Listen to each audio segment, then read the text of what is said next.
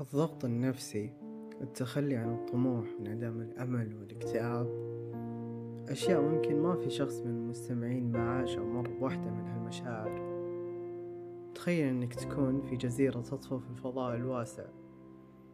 جزيرة خيالية بعيدة عن عالمنا محاطة بالبحار والأنهار وحتى الجبال. تسكنها شخصيات خيالية من أرواح حرة وحوريات بحر وحتى القراصنة. في سعادة وسلام.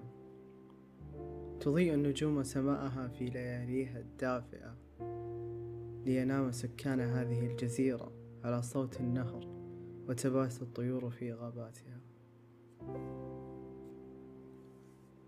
مكان حيث يعيش بيتر بان والأولاد المفقودون حيث لا توجد أي ضغوطات مجتمعية أو عائلية. مكان يمكنك العيش فيه بطيش والمجازفة بلا مبالاة للعواقب التي قد تصيبك. وإذا احتجت للهروب يمكنك الهروب إلى حضن الخيال. بيتر بان الصبي الذي لا يكبر يوما يسكن في هذه الجزيرة الساحرة حيث يخوض الكثير من المغامرات والذي أصبح شعارا للسعادة والطفولة الدائمة. لطالما حلمنا بزيارة عالمه أو تقمص شخصيته في صغرنا فماذا لو عاش بيتر بان معنا؟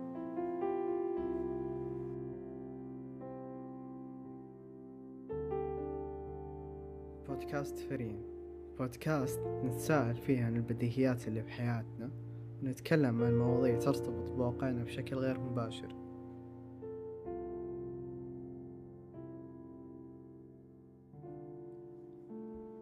في اليوم الأول له في عالمنا في أغلب الظن أنه سيكون في دهشة وسرور قافزا هنا وهناك مستكشفا ما حوله كأي من مغامراته الأخرى باحثا عن المتعة. يتجول وسط هذه المدينة المكتظة بالناس والصاخبة بسبب زحمة سيرها متأملا تلك المجسمات المشكلة من الطوب التي سميت بالبنايات. عابرا تلك الطرق والأزقة بما سيكون كفيلا لجعله منشغلا حتى حلول الليل وسطوع إنارات الشارع والشاشات الإعلانية الكبيرة. ويحين وقت العشاء وتكتظ المطاعم وتنتشر رائحة ما لذ وطاب من الأكل في المخابز والبيوت وحتى على قارعة الطريق فيحاول بيتر الطيران بحثا ليحصل على حصته من العشاء كما اعتاد في جزيرته ليكتشف عدم قدرته وإن هذا العالم مختلف حيث أنه لا يمتلك سحر جزيرته وأنه مجرد صبي آخر تائه في هذا العالم الفاني.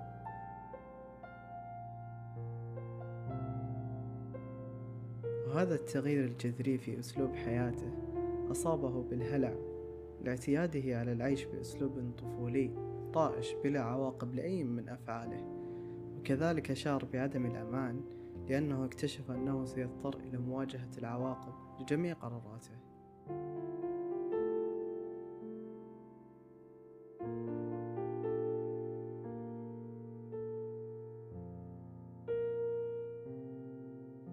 الثقافة والعوامل الاجتماعية مثل التمييز بين البشر والصدمات العاطفية التي يتعرض لها الشخص خلال حياته هي أحد أهم مسببات الأمراض النفسية مثل الاكتئاب والرهاب الاجتماعي.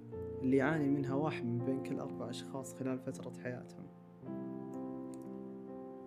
قبل ثلاثين أو أربعين عام كانت علامات الإندماج الجيد في المجتمع قليلة وسهلة وتشمل العثور على وظيفة وترك منزل العائلة وتكوين أسرة.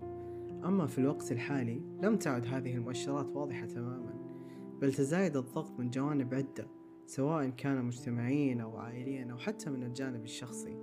فقد ترى في أغلب مواقع التواصل الاجتماعي العديد من قصص النجاح وكيف أصبح هذا الشخص من أغنى أغنياء العالم وكيف أصبح ذاك الشخص من أشهر الأشخاص بالعالم.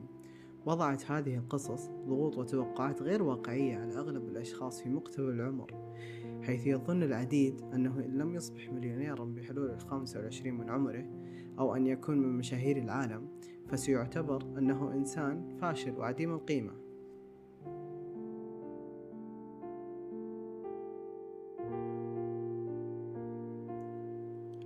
نرجع لبيتر.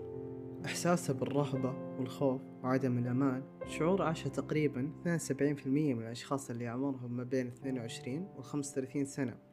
اللي مروا بأزمة ربع العمر حسب إحصائية أحد أشهر الشبكات الاجتماعية LinkedIn. طيب خلونا نعرف إيش هي أزمة ربع العمر؟ فترة من انعدام الأمن والشك وخيبة الأمل حول حياتك المهنية والعلاقات والوضع المادي. هكذا عرف الطبيب النفسي الإكلينيكي أليكس فوكس أزمة ربع العمر. فلوهلة ترى صديقك خريج المحاماة وتقول بذاتك أبغى أصير محامي. وثم تمر أمام food truck الخاص بصديقك. فتقول ليه ما أفتح food truck بالرغم من أن معرفتك بالطبخ لا تخرج عن طبق اندومي. جاهز؟ فتصبح في هذه الدوامة اللامنتهية من عدم اليقين بما تريد. تتعدد أسباب مرور الشخص بأزمة ربع العمر ومن أهم أسبابها التخطيط للمستقبل خصوصا مرحلة ما بعد الجامعة. لأن بعد التخرج في الجامعة نخرج من مرحلة مرسومة لنا منذ الطفولة إلى خيارات الحياة الواسعة. ففي فترة قصيرة يجب علينا التخطيط للمستقبل واتخاذ عدة قرارات مصيرية. التغيير صعب على الجميع. هناك القليل من الناس الذين لا يشعرون بالقلق إلى حد ما من احتمال حدوث اضطراب كبير في حياتهم. تأتي المشكلة عندما يتسبب الخوف من التغيير في إصابة الأشخاص بالشلل في المواقف الغير صحية أو غير المرضية أو عندما لا يقتصر خوفهم من التغيير على التغييرات المهمة فقط ولكنه يشمل التغييرات اليومية البسيطة نسبيا في الروتين.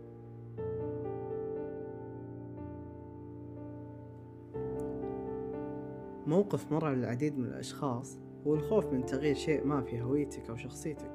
ما صار يمثلك بعد اليوم. حتى لو كان هذا التغيير صغير مثل أسلوب لبسك أو تعلم الطبخ. يشعر الكثير من الناس بالشلل من خلال تغيير شيء يعتبره الآخرون مفتاحا لهويتهم. هكذا ينتهي بك الأمر وكأنك لست صادقا مع نفسك. وهو شعور غير مريح للغاية.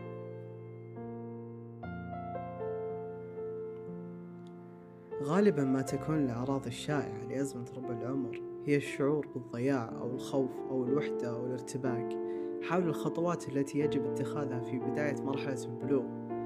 أيضا البطالة واختيار المسار الوظيفي سببين رئيسيين للتوتر والقلق لدى الشباب.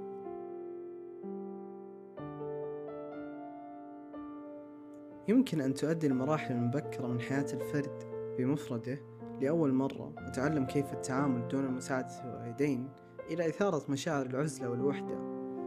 يمكن أن تكون إعادة تقييم العلاقات الشخصية الوثيقة أحد العوامل أيضا حيث يشعر المصابون بأنهم قد تجاوزوا عمر شريكهم أو يعتقد أن الآخرين قد يكونون أكثر ملائمة لهم. كل الأطفال ما عدا واحد يكبرون. سيعرفون قريبا أنهم سوف يكبرون. هذه هي بداية النهاية. الفقرة الأولى من قصة جيمس باري الكلاسيكية بيتر بان. قدمت موضوعها المركزي. يبدو الأمر بريئا في البداية. لكن عندما نلقي نظرة على حياة باري تجعل الفقرة أكثر شرا والتواء.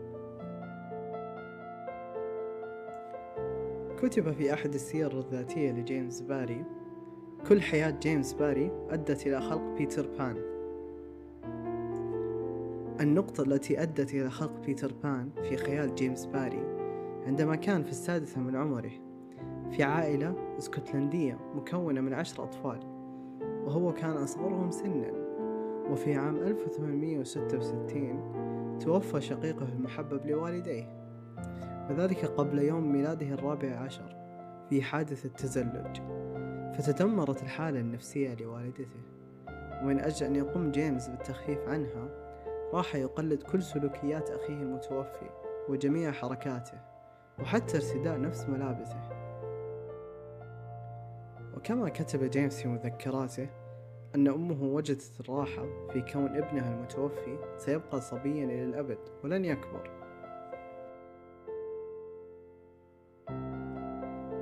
في عام 1899 قام باري بمصادقة جون وجورج وبيتر ديفيز وأمهم سيليفيا في كنسينغتون في لندن بارك في لندن. وكان أرثر ديفيز والد الأطفال مشغولا دائما بعمله كمحامي يصارع فشله ولا يقضي الكثير من الوقت مع أسرته. لذا فباري كان سعيدا جدا لقضاء الوقت مع الأطفال واللعب معهم وأصبح الزائر الدائم لديهم. كان باري يشعر بأنه يكون بذاته وشخصيته الحقيقية فقط مع هؤلاء الأطفال فكان يلتقي بهم يوميا في الحديقة أو في منزلهم يلعبون الألعاب سويا وكان يحكي لهم حكايات الجنيات والطيور ويتصرف مثلهم. ولما نرجع للرواية بنشوف التأثير الكبير لحياة باري الشخصية على الرواية بشكل عام وعلى بيتر بان خصوصا. لذلك بيتر بان يمثل الكثير من الشباب والشابات وهلعهم وجزعهم وخوفهم وقلقهم عند مواجهة الحياة بشكلها الكامل ومعرفة أنهم ما راح يمشون على خطة مرسومة من الألف للياء بعد اليوم وأنهم هم راح يرسمون خط سير حياتهم بكل قرار يتخذونه. للكثير قد يكون هذا الموقف ذو حمل كبير لا يشعرون بأنهم يستطيعون حمله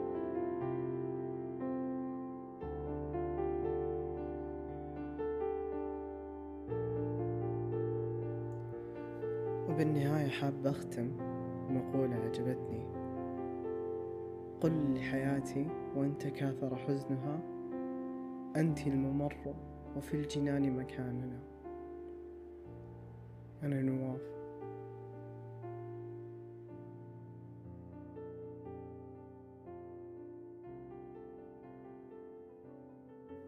في حال عجبتك الحلقة لا تنسى تقيمنا على شبكات البودكاست وتشارك الحلقة مع أي شخص ممكن يهتم هذا النوع من التساؤلات عن الحياة حولنا.